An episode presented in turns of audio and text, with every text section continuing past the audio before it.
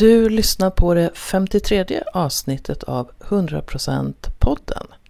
Där jag, Charlotte Kronqvist, för nära samtal om saker som kan kännas viktiga i livet. Och just det här avsnittet är lite längre än vanligt. Det var inte riktigt meningen att det skulle bli så. Men när samtalet handlar om något så djupt och intressant och något som vi så gärna smiter undan ifrån som skam, ja, då tar det ibland lite längre tid. Så jag lät bandet rulla när jag mötte skamexperten och gestaltterapeuten Jojo Tuliki Oinonen. Vi har båda länge varit intresserade av skam och blivit medvetna om när den visar upp sig för oss. Och Jojo var en person som inte visste att hon skämdes. Och här berättar hon hur det kom sig att hon blev skamexpert. Och du får också reda på vad en skamattack är för någonting. Och eftersom jag har att göra med en skamexpert så passar jag också på att ställa några personliga frågor till Jojo. Ser hon skam i de episoder som jag visar för henne? Välkommen till ett samtal om skam med Jojo Tuulikki Oinonen. Jag sitter på slottet tillsammans med Jojo Tuulikki Oinonen som är gestaltterapeut och skamexpert. Välkommen hit! Tack så mycket! Hur blir man skamexpert? Ja, precis! Ja du, genom, genom ganska fruktansvärd vånda tror jag. Eller i alla fall min resa. Det försöker jag alltid lyfta fram när jag pratar eller utbildar och när jag föreläser. Ja, men det var ju där du var och lyssnade också en gång. För man kan inte förstå skammens mekanismer egentligen, eller regleringsfunktion, om man inte, eller hjälpa andra med sin skam om man inte har vågat titta på sin egen. Men det, allt det här som jag håller på med idag, det är ju liksom saker som jag har klurat ut i efterhand. Men det började ju som en sjujävla resa ner i helvetet en gång till för mig. Eftersom jag har ganska mycket trauma i bagaget själv. Så jag är ganska skammad helt enkelt som person. Och, och när började du upptäcka det här med vad, vad skammen gör för någonting? Ja, ja, precis. Jag kan ju dela lite grann av min egen resa för att Precis, jag är gestaltterapeut och jag gick min utbildning eh, till terapeut mellan, jag började den, nu ska vi se här, eh, 2002 till 2006. Och jag skulle ha ett femte år som man säger då, utbildningen är ju på fyra år, och ett femte år därför att jag klarade inte av att skriva min slutuppsats under själva utbildningstiden för det var för intensivt. Så tänkte jag, äh, men jag tar ett år till, jag ska skriva uppsats, jag ska ha lite mer praktik, fokusera på kroppsterapi vill jag göra och så vidare. Framförallt kroppen, jag ville jobba mer med kroppen. För vi hade fått nosa lite grann på det på utbildningen men inte tillräckligt då. Så i juni 2006 var jag klar och sen hade jag en stor fest. Det här var 2006. Jag fyllde alltså 40. Och vad jag inte visste på min 40-årsdag, det är snart exakt 10 år sedan, var att jag blev gravid. Så jag var tillsammans med min förra, vi är separerade idag, men jag var ihop med en man och vi hade precis blivit gravida kvällen innan. Så det var en enorm gåva i 40-årspresent. Men den här eh, graviditeten satte ju igång jättemycket parallellprocess som man säger på terapispråk. Alltså min egen det satte igång väldigt mycket av de här gamla grejerna som handlar mycket om kontrollförlust och känsla av maktlöshet och rädsla för att få ett litet barn i händerna och så vidare. Och man är ju, har man varit med om trauma själv och blir gravid så tillhör man ju en riskgrupp för till exempel förlossningsdepressioner eller alltså att för att det sätter igång så mycket saker som handlar om den här sårbarheten som man själv hade som barn. Och det gjorde det för mig med. Så jag fick väldigt mycket kroppsterapi kan man säga, fast via graviditeten. Och sen när hon kom ut så det var väldigt svårt. Jag var väldigt rädd inför förlossning och jag var, alltså det var väldigt svårt. Men när jag höll henne i mina händer då, då var det första gången jag höll i en sån liten människa. Jag ville, ända sedan jag var barn ville jag inte ha med andra barn att göra. Och när jag blev äldre så jag, jag hade liksom aldrig hållit i så litet barn. Och det var mitt första barn. Och det blev så fruktansvärt tydligt på ett väldigt jobbigt sätt hur fruktansvärt sårbara vi är. Hon var, hon, hon var fullständigt utlämnad till mig och hennes pappa. Och vår välvilja och vår förmåga. Jag menar, jag tror att alla föräldrar känner det där när man får de här barnen i sina händer. Att wow! Och då är, inte, då är ju inte kopplingen långt borta. Jag var lika sårbar. Och då um, satte det igång väldigt, väldigt mycket. Tack vare min utbildning och att jag visste en hel del om utvecklingspsykologi och anknytningsteori och så vidare så visste jag ju, jag hade sett till att skaffa mycket stöd innan. Så att jag hade ju jättebra stöd inför förlossningen, under förlossningen och sen efteråt också så förstod jag att det här är inte bra. Jag mår inget bra. Jag är liksom... Jag kommer ihåg de första månaderna var eh, fruktansvärda. Jag gick omkring med en sån känsla av att jag höll mig själv i nackhåret här. Och så mellan tänderna så bara så här. Jag ska inte hamna i en psykos. Jag ska inte hamna i en psykos. Så. Och skrev som besatt gjorde jag. Så när min dotter Erna sov middag, hon sov ju också som en klocka varje dag, tre och en halv timme. Lång period där jag fick urladda. Så jag satt framför datorn de här första månaderna och bara skrev och skrev och skrev och skrev. Och jag hade koppling till min handledare fortfarande på utbildningen. Så jag fick ju skicka liksom, jag hade en mottagare för de här. Och det här blev till slut vad jag kallade min skamdagbok. Så att det var väldigt mycket som vällde ut. Jag skrev och tårarna rann och jag hulkade och ja. Var det som att du kom i kontakt med din egen historia genom att du hade din lilla dotter? Ja, precis. Ja, all den sårbarhet och maktlöshet och, och utsatthet som jag kände när jag var barn kom igen. Liksom. Och sen när vi hade upprättat någon slags rutiner och hon var lite äldre då kontaktade jag min, min terapeut igen och började gå i terapi och fick liksom skeppet vänt. Liksom sådär. Um, men det var väl... Men även innan så hade jag ju... Jag gick hos en och samma terapeut under hela min utbildning för att det var, den, det var en riktigt tät relation. Alltså jag hade en väldigt eh, väldigt, väldigt stort förtroende för henne. Och hon hade liksom börjat så här, Hon kunde väldigt mycket om skam. Och eh, hon föreslog det ibland. Jag kommer ihåg hur hon så här, med väldigt mjuk röst liksom sa så här att jag tror att det är en hel del skam här involverat för dig. Och jag kommer ihåg att jag bara tittade på henne så här. Va? Skam? Så här. För jag gör som nästan, jag gjorde som nästan alla andra. Jag associerar ordet skam med känslan skam. För jag kände ingen skam. Min upplevelse är också att man definierar gärna bort det. Ja, ja precis.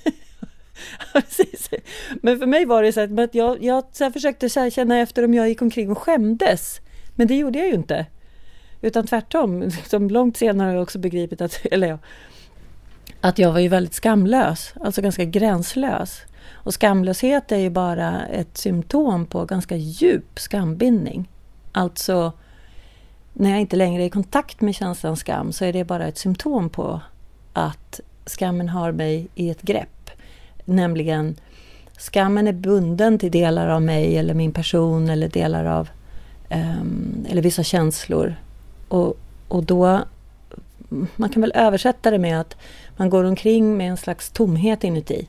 En slags värdelöshetskänsla alltså jag har inget existensberättigande. Och då, den, den känslan går inte att vara i kontakt med. Den går inte att sitta, sitta i, vara i kontakt med. Så man försöker hela tiden kompensera bort därifrån. Och skamlöshet är bara ett symptom. Hur kan skamlöshet se ut? Eller uttrycka sig liksom? Ja, alltså det är väldigt... Eh, det, är ganska, det är ganska subjektivt. Men jag skulle vilja säga så här att ja, men för mig till exempel så var ju skamlösheten att jag... Um, jag hade inte... Jag hade till exempel inte en förmåga att avkoda andras gränser. Så att jag liksom...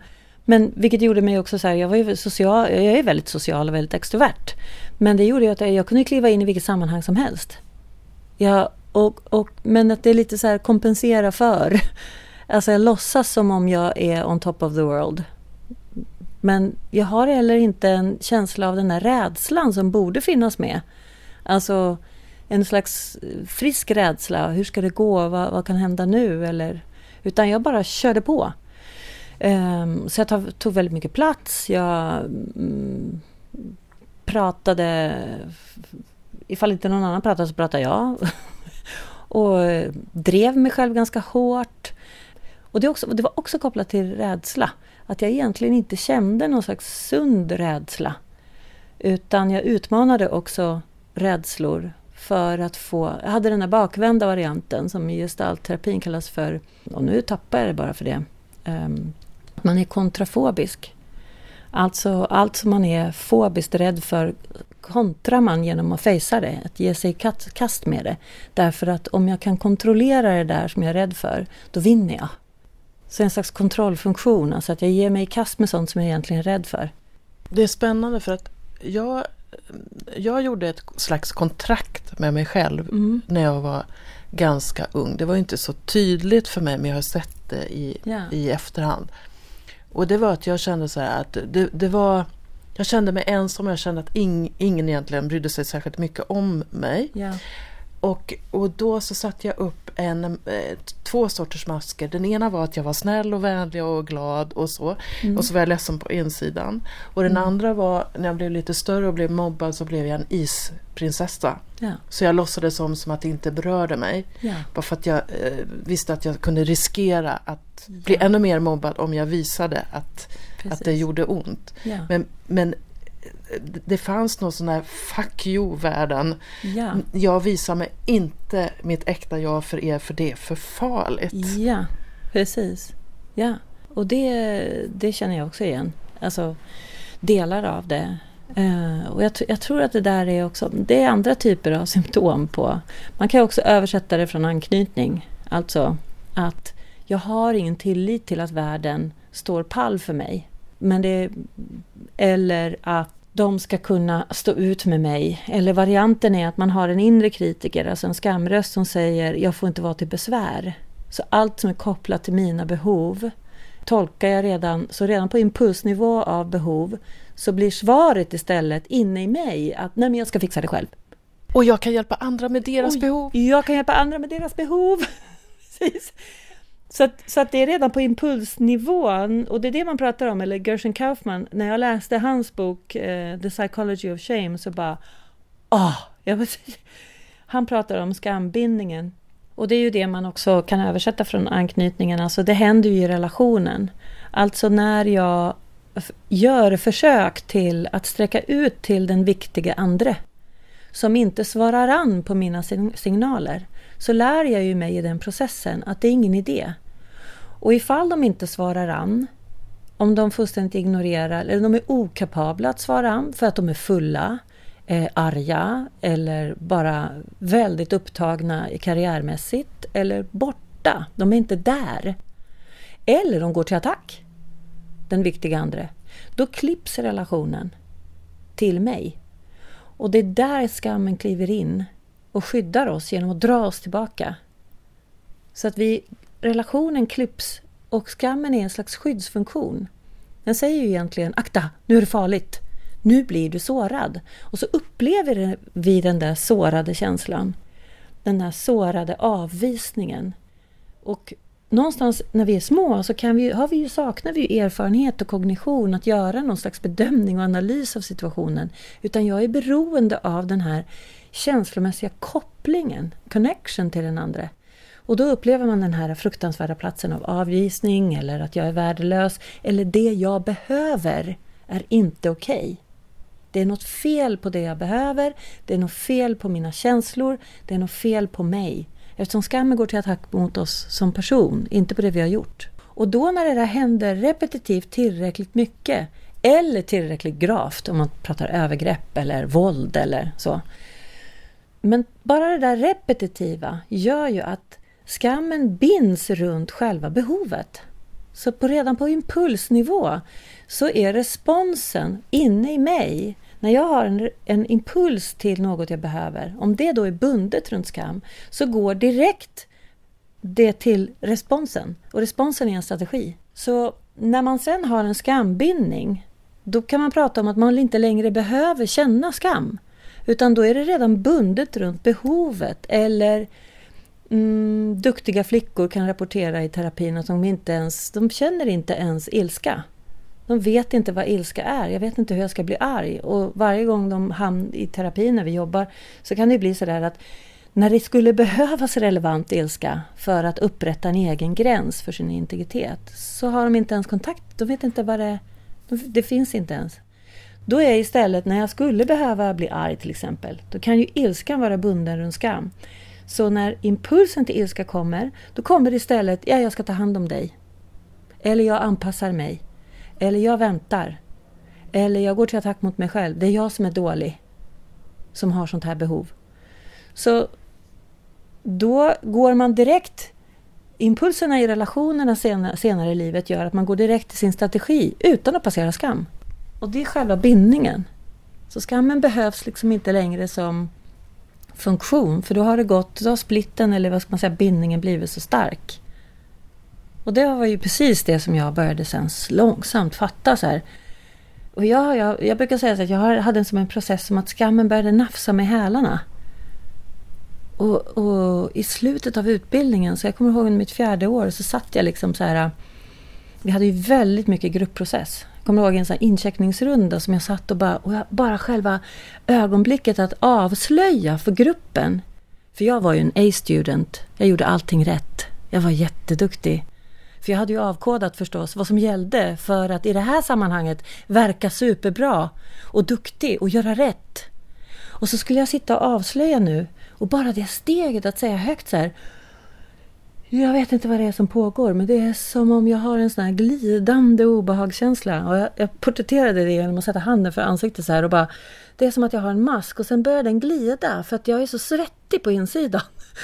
Och så fort jag märker att den börjar glida så får jag panik och då bara försöker jag rätta till den så här. Liksom, och lyfta upp den.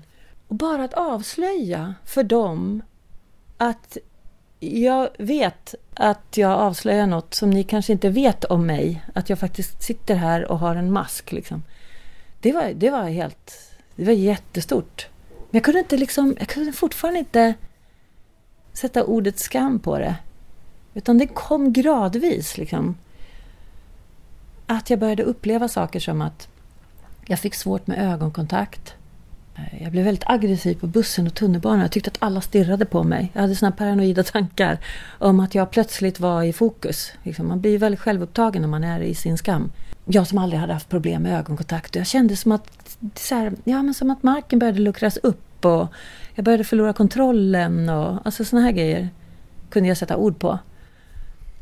Jag tycker det där är superspännande för när jag har gjort massa saker, kroppsterapi, då, är, då ingår ofta att man delar saker. Och nu för tiden delar jag bara om det bubblar i magen. Säger ja. att det, det, kommer inte från huvudet utan Nej. det är någonting som vill upp. Och jag vet mm. sällan vad det är. Ja. och, då, och, och då, idag kan jag säga i princip vad som helst. Alltså precis det som är. Men i början så var jag ju jätterädd att bli dömd av ja. de andra. Precis vad jag upptäckte ganska snabbt det var ju som att det gick en lättnad i gruppen. Ja. Istället, och gud vad skönt och jag känner också igen mm. det här och, och, nu börjar jag förstå henne lite mer och så det var ja. bara positivt ja. att släppa garden. Precis. Men det var ju min erfarenhet på den här situationen i gruppen. Jag satt ju med en skräck över att nu kommer jag bli attackerad. Nu är det ögonblicket. Och det var dubbelt, för det var också dubbelt så här. Ska de stå pall? Kommer de stå kvar? Det, var, det är så skräckfyllt. Den där, den där platsen är så skräckfylld. Eh, men jag fick ju tillbaka precis samma. Alltså, i fjärde, tredje, fjärde året så har vi ju klienter under handledning. Och, eh, och jag satt och bara fjärde året och man hamnar ju också i den här prestationen över att göra rätt som terapeut och, och vill, man vill ju göra rätt för man vill kunna hjälpa den klienten man jobbar med. Men det blir också som en slags prestige som sprider sig i gruppen. Och jag bara släppte ju på det där att jag jag måste bara få säga det här högt. Jag vet inte vad jag håller på med. Jag fattar inte. Vad är det här begreppet kontakt? Jag begriper inte. och det gick ju också precis så, en lättnad genom gruppen. Men jag hamnade i en skamattack när jag skulle göra det där. Alltså att jag blev, det var just den här känslan att jag måste ut härifrån, jag måste springa, jag måste gömma mig, jag kan inte vara kvar. Och då var det en terapeut som var så himla fin, som höll, bara höll mig kvar. Och bad mig till slut titta runt i gruppen och se, beskriva vad jag såg, alltså i min yttre verklighet. För min inre verklighet, vilket det är, det är fullständigt, fullständigt eh, irrelevant oftast när man har en skamattack. Min interna upplevelse skiljer sig totalt ifrån den yttre verkligheten. Så att jag vågade till slut titta och då såg jag ju att, att liksom mina gruppisar var ju, några var berörda och några satt liksom och höll för, satt och grät och, och andra såg varma ut och tittade rakt på mig utan, jag kunde inte se be, liksom det där bedömandet. Jag fick verkligen försöka beskriva vad jag såg. Och då släppte den här skamattacken ju. Lite gradvis. Och så kunde jag komma tillbaka igen. Och så går kognitionen online igen. När hotet är över. När jag var på föreläsningen med dig i mm. våras då blev det mycket tydligare för mig vad en skamattack är och vad ja. som händer. Ja. Och kort därefter så fick jag en skamattack och, och jag kände så hur, hur adrenalinnivåerna steg ja. i, i, kroppen. Men jag upptäckte väldigt snabbt, nu får jag en skamattack. Ah, så jag kunde det var ett samtal med en, med en av mina döttrar och hon sa någonting som, som väckte ångest och skam. Jag, jag känner enormt dåligt samvete för något jag har gjort för flera år sedan. Ja. Och, och den skamattacken hade, igen, alltså det hade ingen relevans till det hon sa. Det var, hon Nej. attackerade mig inte utan jag kom i kontakt med något jag skäm, också skämdes över ja. i mitt beteende. Ja. Men då att kunna, att kunna vara, att känna så här nu kommer adrenalinet här. Jag, ja. har lust och, jag hade lust att gömma mig för världen. Ja. Jag kände mig som den uslaste utav alla. Den sämsta mamman i hela världen ja, och så. Precis. Men bara, vänta nu. Det här är det här är reptilhjärnan är igång ja. och adrenalinet är igång. Det här är inte verkligt. Ja. Så jag ringde några personer och pratade på lite grann och berättade just nu är jag precis i det här. Wow. Och så lugnade det ner sig. Men det, alltså själva, jag kände ja. adrenalinpåslag i 12 timmar ungefär. Långsamt gick det undan. Ja. Och det jag har möjlighet att göra idag det är att jag kan bevittna min skamattack utan att drunkna ja. i det. Men då har jag tränat väldigt mycket. Ja, precis. wow, vilken bra beskrivning. Verkligen. För det är ju lätt i det där att tänka, jag är usel. Ja. Jag jag kan lika gärna ta livet av mig. Jag, yeah. ja, och så drar man alla möjliga växlar och så är det som att man inte ser eh, omvärlden. Det är som det, solen skiner ute. Nej, jag måste dö. Ja, precis. Det är verkligen precis så. Och det, var ju, det vill jag alltid poängtera.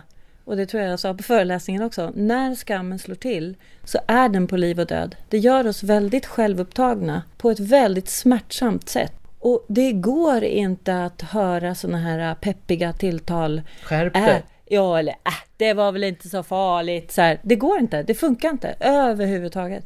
Utan hotsystemet i hjärnan, alltså amygdalan, som Bessel van der Kolk kallar för rökvarnaren, där det är så jävla bra.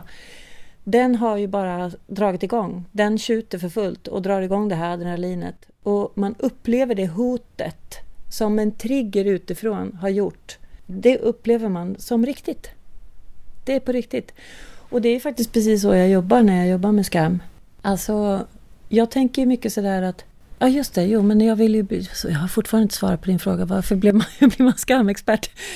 Jag, jag fick ju en vision i, det här, i den här jävla jobbiga geggan. För när jag väl sen började borra mig in i det här med skam, när jag började läsa på, började söka information, jag liksom jag fick en handledare som var jättekunnig, Ken Evans. Han är tyvärr död, han gick bort väldigt hastigt förra året i en hjärtattack. Men, och så hade jag ju min terapeut Inke som också är död faktiskt i cancer. Hon var med mig hela vägen. Och då när jag började söka information så insåg jag att det här är ju en teori. Det här går att begripa.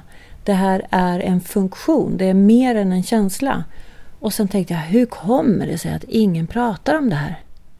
Jag hade inte fått stöta på det på utbildningen heller. Det fanns ingen av mina lärare som visste speciellt mycket om skam. Det var Inke som satt utanför som individualterapeut och sen nu handledaren, han var helt ny på min institut, eller institut där jag gick.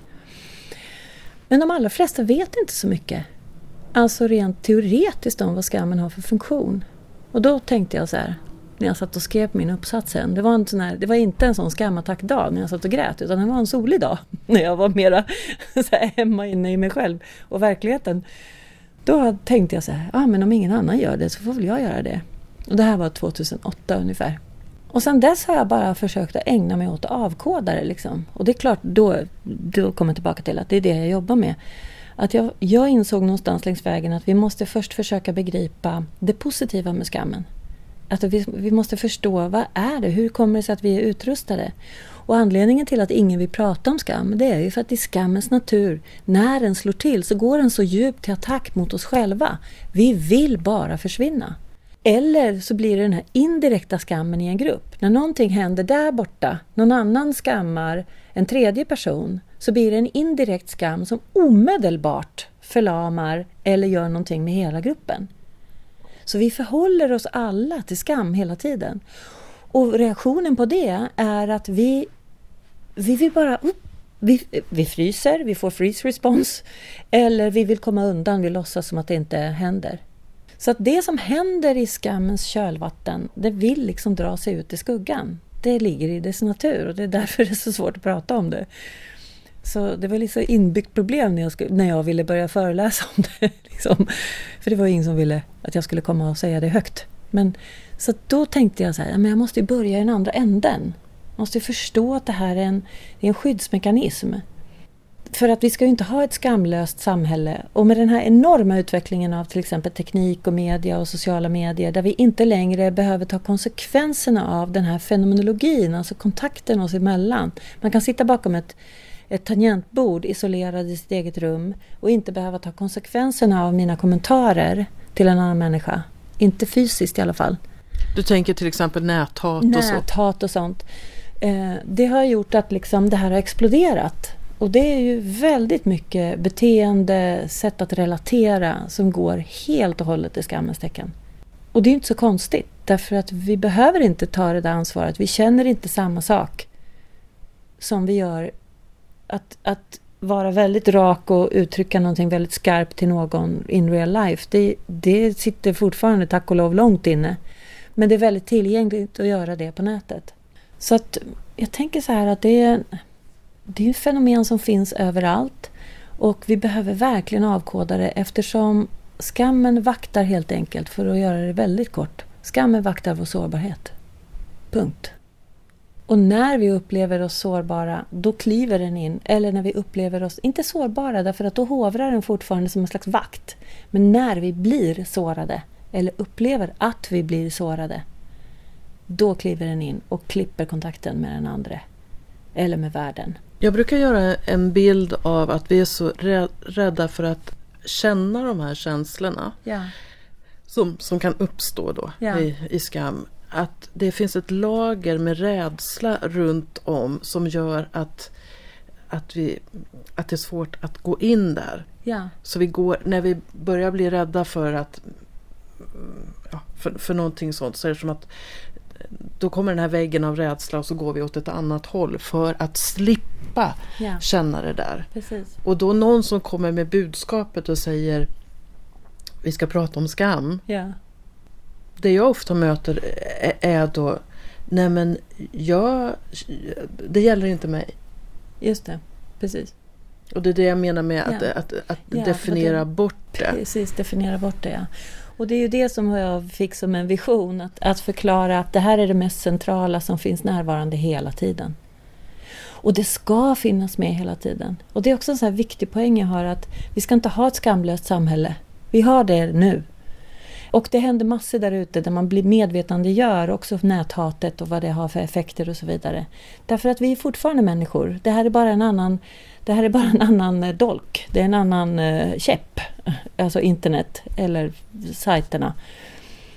Men hur skulle man kunna få ett samhälle som är då skam fritt på det sättet att, att vi kan vara oss själva. Och det, alltså jag ser en skillnad mellan frihet och, och skamlöshet. Ja, precis.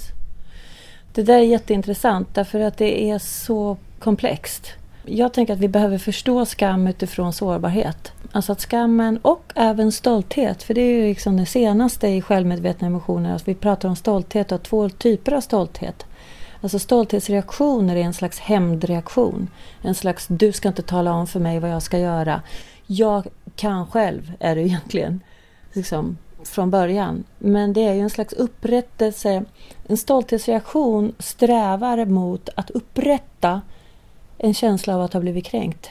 Så när jag upplever mig själv kränkt, och vad, när är man kränkt? Jo, man, man känner sig kränkt när man upplever att ens värdighet har blivit trampad på. Du respekterar inte mig. Ja, precis. Du respekterar inte mig. Och då får jag en impuls att ge tillbaka. Ge igen. Hämnas. Och då, är det ju redan, då har vi redan kommit in i maktkamp. Men en stolthetsreaktion eller en upplevelse av att vara kränkt är ju en skam. Då har, det är ju en skammande händelse som har hänt. Så det är också drivet av skam. Men idag lutar forskningen, det här är jättespännande för att idag pratar man om att Dels pratar man om att man förmodligen föds med en benägenhet eller en högre känslighet för antingen skamreaktioner eller skuldreaktioner. Och då kan man också behöva väva in att det finns en hypotes nu då att man också kanske föds med en större känsla av stolthet. Alltså att man har en benägenhet att, re att reagera utifrån sin stolthet. Men du, du, det finns ju en annan form. Du sa att det finns två stolthet. Jag tycker också att ja. det finns en stolthet som är så här. Jag är okej okay som jag är. Ja, det är den autentiska stoltheten. Det här är Jessica Tracys forskning. Den är ju helt brännhet alltså. Helt, helt brännhet. Jessica Tracy, um, hon har helt nördat in på stolthet. Och då har hon och hennes forskarteam upptäckt två former av stolthet. Och den ena är den där. Eller en femåring som precis knäcker koden fysiskt, balansmässigt och eh, så här, utforska delen i hjärnan så bara, jag ska klara det här. Wow, vad spännande! Hela intresset är påslaget. Och lyckas plötsligt få cykeln att rulla framåt med kraften av att jag trampar. Och då vill man ju bli sedd i det ögonblicket så vrider man eller ropar så här Mamma, mamma titta, titta vad jag kan, titta vad jag kan. Och den stoltheten, det är den där autentiska stoltheten. Den är kopplad till just det här autonomin, självständigheten, min kapacitet. Titta vad jag kan! Och den glöder inifrån och ut. Den har ingen agenda att platta till någon annan. Jag har stött på den där andra stoltheten. Ja. Eh, till exempel Den här, hybriska stoltheten som hon kallar den. Ja, alltså ja. till exempel. En jag känner gick arbetslös och då fick jag inte ge hen julklappar för hen kunde inte ge något tillbaks. Ja. Hen var för stolt för att ta emot något. Ja. Ja. Och det tycker jag är den där andra, en del Precis. av den andra. Precis, ja det kan det vara. Det, oh, det var lite spännande. Precis, det blir, det blir ett sätt att, det är ett sätt att upprätta sin egen känsla av kränkthet. Ja. ja därför att vara arbetslös och fattig mm. är en kränkt position i vårt samhälle. Du ska inte Man, komma med allmosor. Nej, är, är precis. Då, ja. Och då är det kopplat till min känsla av värdighet. Ja, för om du är den som ger, ja då måste jag ta emot. Ja, det där är väldigt... Eh... Och i just det här fallet så kände jag så här, jag ville ge från mitt hjärta så jag blev ju ledsen ja. för att hens stolthet kom i ja, vägen från precis. min möjlighet att ge. Ja. Så ja. det är ganska intressant tycker jag. Precis, vi blir ju till i relationen. Så det är ju precis. Jag har, Men, jag, jag, har en, en episod som bara ligger så här och, och snurrar i mitt kör. huvud när jag var liten, jag hade, mina föräldrar har alltid sagt så här, vi älskar dig mest av allt. Och det mm. finns inget våld eller någonting Nej. sånt i det. Samtidigt så hade jag en upplevelse av att reglerna var oklara. Att gränserna var oklara. Ja. Och då, då var min... Eh, och då blev jag ibland känslomässigt bestraffad eller skälld på när jag hade gått ö- överträtt regler som, men där man inte hade sagt var, var gränsen gick. Ja. Och det gjorde att jag blev osäker på var gränserna gick. Ja. Och så började jag krympa mitt territorium för att inte bli utskälld för Mm. någonting som jag inte fattade. Men, men vad är det för fel på det här? Det är Ja. ingen som har sagt det utan det kom det som en blixt från klar himmel.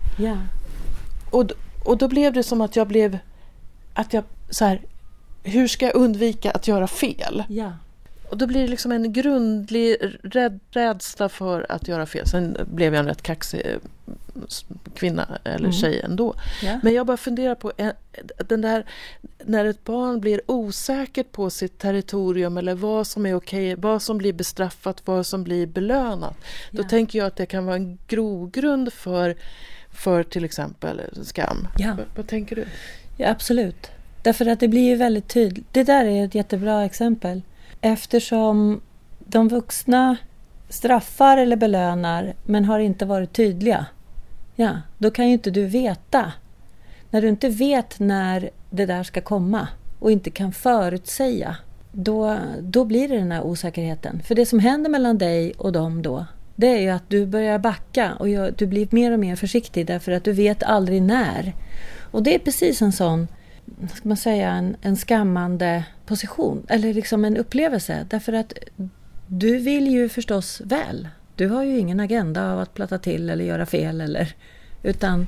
Jag har så sött exempel. Alltså Ja. det, är så, det, det, är inte, det, är, det är ett oskyldigt exempel. Jag fick lära mig av mina föräldrar här, att man ska lägga eh, papper på toan när man är borta, när man är på en offentlig toalett. Ja. Och så tänkte jag så här, det var på Domusrestaurangen, så, här, Ja. så sa mamma det. Och så tänkte jag så här, vi kom hem till någon nya och så tänkte jag, jag ska visa hur duktig jag är, Ja. att jag har förstått den här regeln. För vi, vi hade aldrig varit hos de här förut. Och så säger jag till mamma så här. Ska jag lägga papper på toan nu? När vi är borta hos de här. Och så ser jag mamma liksom börja le. Och, och då, då förstod jag. Shit, Ja. det var inte här det var menat. Och då sa jag. Snälla mamma, säg inte någonting till de andra vuxna. Jag, jag fattade fel. Liksom. Ja. och så går jag in och sätter mig på toa. Och så har jag ett gapskratt.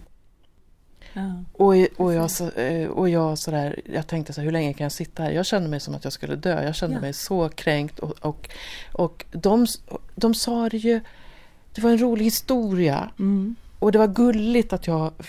Precis. Men för mig var det att jag kände eh, mig eh, backstabbed. Eh, Ja, precis. Och det är väl sånt där tänker jag också som Ja. skapar en osäkerhet. Kan jag lita på... Ja, precis. Och det där är flera saker tänker jag. Jag tänker på skratt. Skratt är ju väldigt avväpnande. Framförallt desarmerar det skam. Så förmodligen så desarmerade det här din mammas skam. Att berätta detta. Om du hade frågat henne och hon upplevde att det fanns en risk att någon annan hörde. Jag vet inte hur situationen såg ut. Så det blir ett sätt att göra det till en rolig historia. Men för dig är det ju på liv och död därför att du ska göra rätt inför mamma. Eftersom göra rätt handlar om att behålla relationen. För du märker ju förstås att du får uppskattning och du blir berömd om du gör rätt. Och så får du en utskällning när du gör fel. Ja, det är klart att vi börjar sträva efter att göra rätt. Det är ju för att vi ska behålla relationen. Och, men att bli skrattad åt är ju, som vi alla vet, extremt skammande.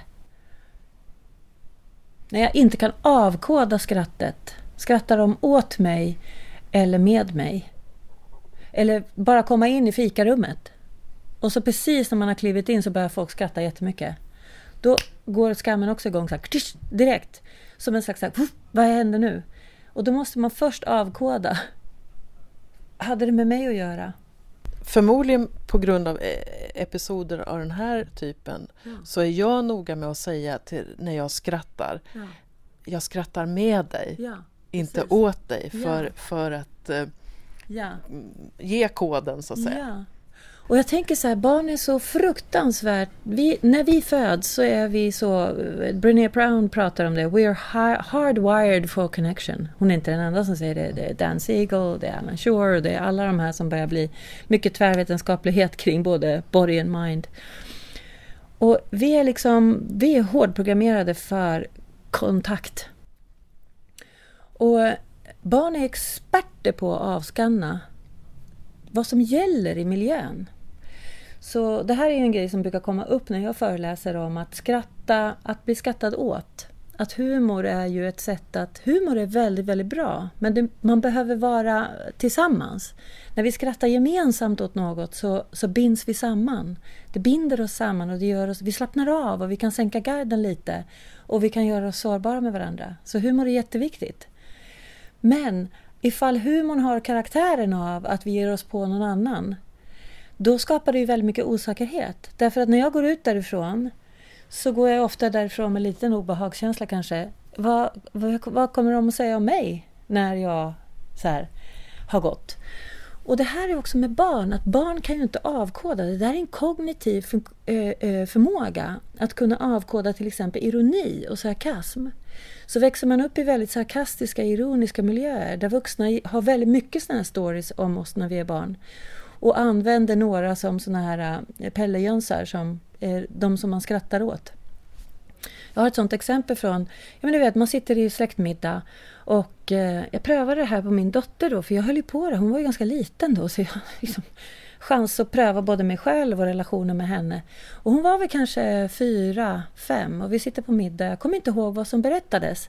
Men det var något sånt där liksom, skämt som var vuxenskämt. Ett skämt som barn inte förstår det till exempel när det har dubbeltydighet. Som till exempel, vad får båda parter vid en skilsmässa? Varsitt ex. Liksom. Och det börjar vi skratta åt, därför att vi har så mycket förförståelse och har liksom förmåga att avkoda liksom komplexiteten i det. Ja, men det var någon sån där typ av skämt. Och hela bordet börjar skratta så här. Och så ser jag Erna, hon sitter så här. skrattar också. Och jag sitter precis bredvid henne, men jag ser det som ett slags stråk av osäkerhet dra över ansiktet på henne. Och då lutar jag mig ner och så viskar jag lite så här så att ingen annan ska höra så här. Förstod du skämtet? Så att jag inte hänger ut henne inför att hon kanske inte har fattat. Då fortsätter hon att skratta och le så här, och så, så här, titta på alla och så säger hon till mig i mungipan så här, Nej. Och det här är så fantastiskt exempel på hur hon vågar avslöja för mig sin sårbarhet. Men hon vill inte avslöja för gruppen med beteendet att hon inte har fattat, för då skulle hon bli för sårbar, för uthängd.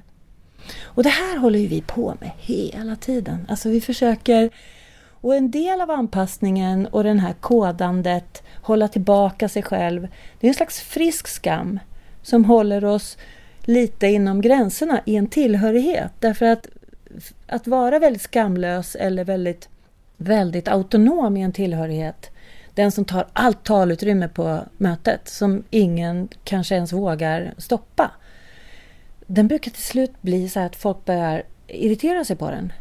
Därför att vi är många med behov här. Och det är det här som är så viktigt att, tänker jag, att vi behöver hjälp under vår barndom att utveckla en slags frisk, sund skam som berättar för oss att ibland kliver vi över människors gränser och det får andra att må dåligt. Eller ifall någon annan kliver över min gräns så får det mig att må dåligt. Men jag behöver stöd som barn i den här processen av tillräckligt, good enough, känslomässigt mogna föräldrar som kan intuitivt och empatiskt sätta sig in i barnets position och vara med och stödja och peppa och hålla, liksom stå pall för barnets reaktioner. För att barn känner skam alltid när de upplever att, att kontakten blir bruten. De känner redan skam, de behöver liksom inte ytterligare skam. Utan då behöver de hjälp med att stå ut med reaktionen, hjälp med att komma tillbaka, lugna ner sig och sen kanske, du vet, man pratar om att smid när järnet är kallt. För barn som är i affekt kan inte ta in information, det kan inte ens en vuxen heller. Vi kan inte ta in information när vi är i en gamattack. Så vi behöver liksom hjälp med den processen. Och det här är ju viktigt att, att hålla i sinnet. Och det tänker jag också när jag har klienter, att vi ska, vi ska inte komma undan skammen. Vi vill ju komma undan effekterna av skambindningar, våra skamröster och den psykiska smärta det orsakar oss. Men för att göra det så hjälper det inte att liksom ta till motsatsen. Nu ska jag minsann inte skämmas mer. Det blir bara en polaritet. Utan min väg när jag jobbar är ju att börja lära känna vad har de här skamrösterna för budskap? Hur var det fiffigt för dig att börja krympa ditt utrymme? Hur var det fiffigt för dig med den här rösten som säger akta, ta ingen plats här, eller den där hårda som du beskrev förut. Hur är den rösten inne i dig? Hur har den fungerat som ett skydd? Jag tänker aldrig visa mig för er. Och när man har en väldigt självattackerande röst inuti sig, vad jag kallar för inre kritiker, den också den ska också få vara med. Den behöver också utrymme. Den behöver förstås. Och det är först när jag lyckas hjälpa en person att börja se alla de här delarna och fatta att det finns ingenting i mitt system, hur okonstruktivt och destruktivt det än är. Det finns ingenting i mitt system som inte har haft en funktion. Som faktiskt har varit en konstig variant av skydd. Men när man börjar se det från det hållet så kan man plötsligt börja få empati med sig själv när man utvecklade det här skyddet. Den där emotionella delen pratar man om i trauma, som motarbetar varandra. Liksom. Det finns en emotionell del som går till attack mot ofta yngre delar som är väldigt sårbara och som egentligen behöver stöd och som är väldigt förvirrade och gråter. Och, så att när de här delarna börjar bli tydliga och när de kan få bli förstådda och uttryckas, då kan man börja hitta andra sätt att hantera tillvaron. Så jag brukar säga så här, ja, men det är för att riskera att låta som en socialdemokrat, men alla ska med. Alla ens delar ska få finnas kvar. Ingen behöver förvisas. Så att man blir liksom som ett litet, man blir som en egen liten, man, man är sin egen lilla by med alla sina egna röster inuti som, som behöver samarbeta. Och det är egentligen vägen ut ur skamhelvete. Precis som när du beskrev så här att du kunde få fatt i att det här är inte verkligt. Oh, och att du då kunde vara så pass kraft, liksom, ha så pass mycket resurs och support in i dig själv att du kunde sträcka ut till andra, berätta vad som pågår och liksom hämta hem dig själv. Ja. Jag skäms inte för att jag skäms längre. Nej, precis! precis. Ja, ja, det börjar bli, börjar bli min, min verklighet också. jag, jag brukar avsluta de här samtalen med att den jag pratar med får ge någon liten tips eller så till, till, till de som lyssnar. Och här ja. tänker jag så här, om, om det är en person som är ovan vid att uppfatta vad, vad skam är mm. hos sig själv. Vad skulle kunna vara ett första litet steg för att börja höra till exempel skamrösten? Du tänker sådana som funkade som jag, som inte såg sig själva som Ja, alternativt något annat som du tycker mm. kan vara, som kan vara viktigt som ett första steg eh, kring att kanske identifiera skam eller förhålla mm. sig till eller bli mer avslappnad i förhållande till det. Mm. Jag, jag, tror att, för jag menar de som, de som har strategier som känner sin skam, de, de vet redan vad skam är. Men sen är det sådana som jag då som, och, och, andra som kanske lutar mer åt att gå till attack utåt som en slags skyddsmekanism. Alltså, det som är svårast för oss som har strategier eller haft strategier eller, det är ju att göra sig själv sårbar. Alltså i vilka... Vad, hur, vad, att börja lyssna efter hur är det för mig att visa sånt som jag anser vara svagt? Hur är det för mig att visa, eh, ta på mig ansvar för mitt eget beteende när jag märker att jag har gjort något som har sårat någon? Eller håller jag på mycket med bortförklaringar? Eller vill jag liksom hitta hitta felet utanför mig själv. Och hur, alltså, hur kan det, hur, när kan jag göra en självreflektion? Vad behöver jag för stöd för att kunna göra det? Kan jag göra det överhuvudtaget? Finns det någon som skulle stå pall för eh, just det som jag tänker att jag inte kan avslöja? Om jag, om jag har svårt att liksom hitta in i ens att ha behov av stöd, utan bara det eh, liksom kan vara signaler på ganska djup skam. Alltså att inte ha tillit till att andra människor är en källa för stöd. Så kanske be om stöd? Ja, det är väldigt svårt om man har det så. Men jag tänker så här att det finns någonting, jag skulle vilja säga, prata också, bara en kort, det är ju det här med självmedkänsla som kommer som ett begrepp nu. Och det är inte, den här, det är inte egoistiskt eller liksom inte lyckoindustrin att tänka positivt, utan tvärtom. Alltså självmedkänsla är verkligen en väg ut ur skamfängelser, hur de än ser ut.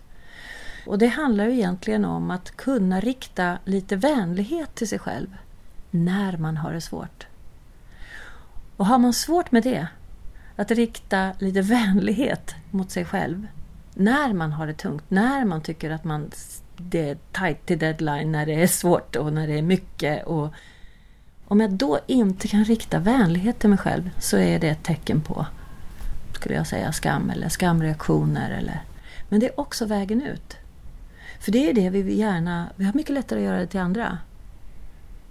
Men vi har så svårt att göra det till oss själva. För en massa år sedan så hade jag kurser i att tala inför grupp. Ja. Och då började jag med att säga Var snäll mot dig själv. Tänk att du duger. Mm. Och ta varje tillfälle du kan Mm. för att träna. Ja. Det tog mig tio år att förstå att den som behövde höra det mest var jag själv. Precis! Var snäll mot dig själv. Precis, jag kan bara vara snäll mot mig själv. Då, när jag har klarat av det här, när jag har skrivit färdigt min tenta och när jag har liksom lyckats flytta och när jag har tömt förrådet och när jag har klarat av den här deadlinen. Då ska jag vara snäll mot mig själv. Men det är ju precis, det blir ju helt galet. Det känns som att vi skulle kunna fortsätta prata Ja. hur länge som helst för det här ämnet är så viktigt. Ja. Men nu får vi säga tack just Ja. nu. Härligt att du kom till slottet Jojo. Ja, äntligen fick vi till det här, vad roligt. Ja, du kan ju fundera på om du är en sån person som Jojo som hade svårt att vara i kontakt med sin skam. Eller sådana som mig som ganska lätt identifierar skam och vad skammen har för roll i ditt liv. Min uppfattning är att när jag frilägger skammen, när jag kan hantera den, när jag kan leva med den, så får jag också mer utrymme i mitt liv. Jag blir mer fri. Och det är en av anledningarna till att jag till exempel har skrivit boken Ingen skam i kroppen frigör din sexuella kraft. Jag tror att vi människor behövs här på jorden för att vara i vår fulla blomning. Charlotte Kronqvist, det är ju jag och jag driver 100% podden som ett helt ideellt projekt. En och annan person har hittat till Patreon där det går att lägga en dollar per avsnitt. Och när det blir många som gör det så klirrar det lite grann i min kassa också. Titta gärna in på www.patreon.com Charlotte Kronqvist. Jag gör ju inte bara podden. Jag ordnar olika events. Jag coachar mest om sex och relationer. Och jag har webbkurser. Och ett par av dem handlar just om skam och om att hantera dem. Så titta gärna in på min hemsida charlottekronqvist.org. Och du, ta gärna ett djupt andetag och blunda och bara inse att du är den viktigaste personen i ditt liv.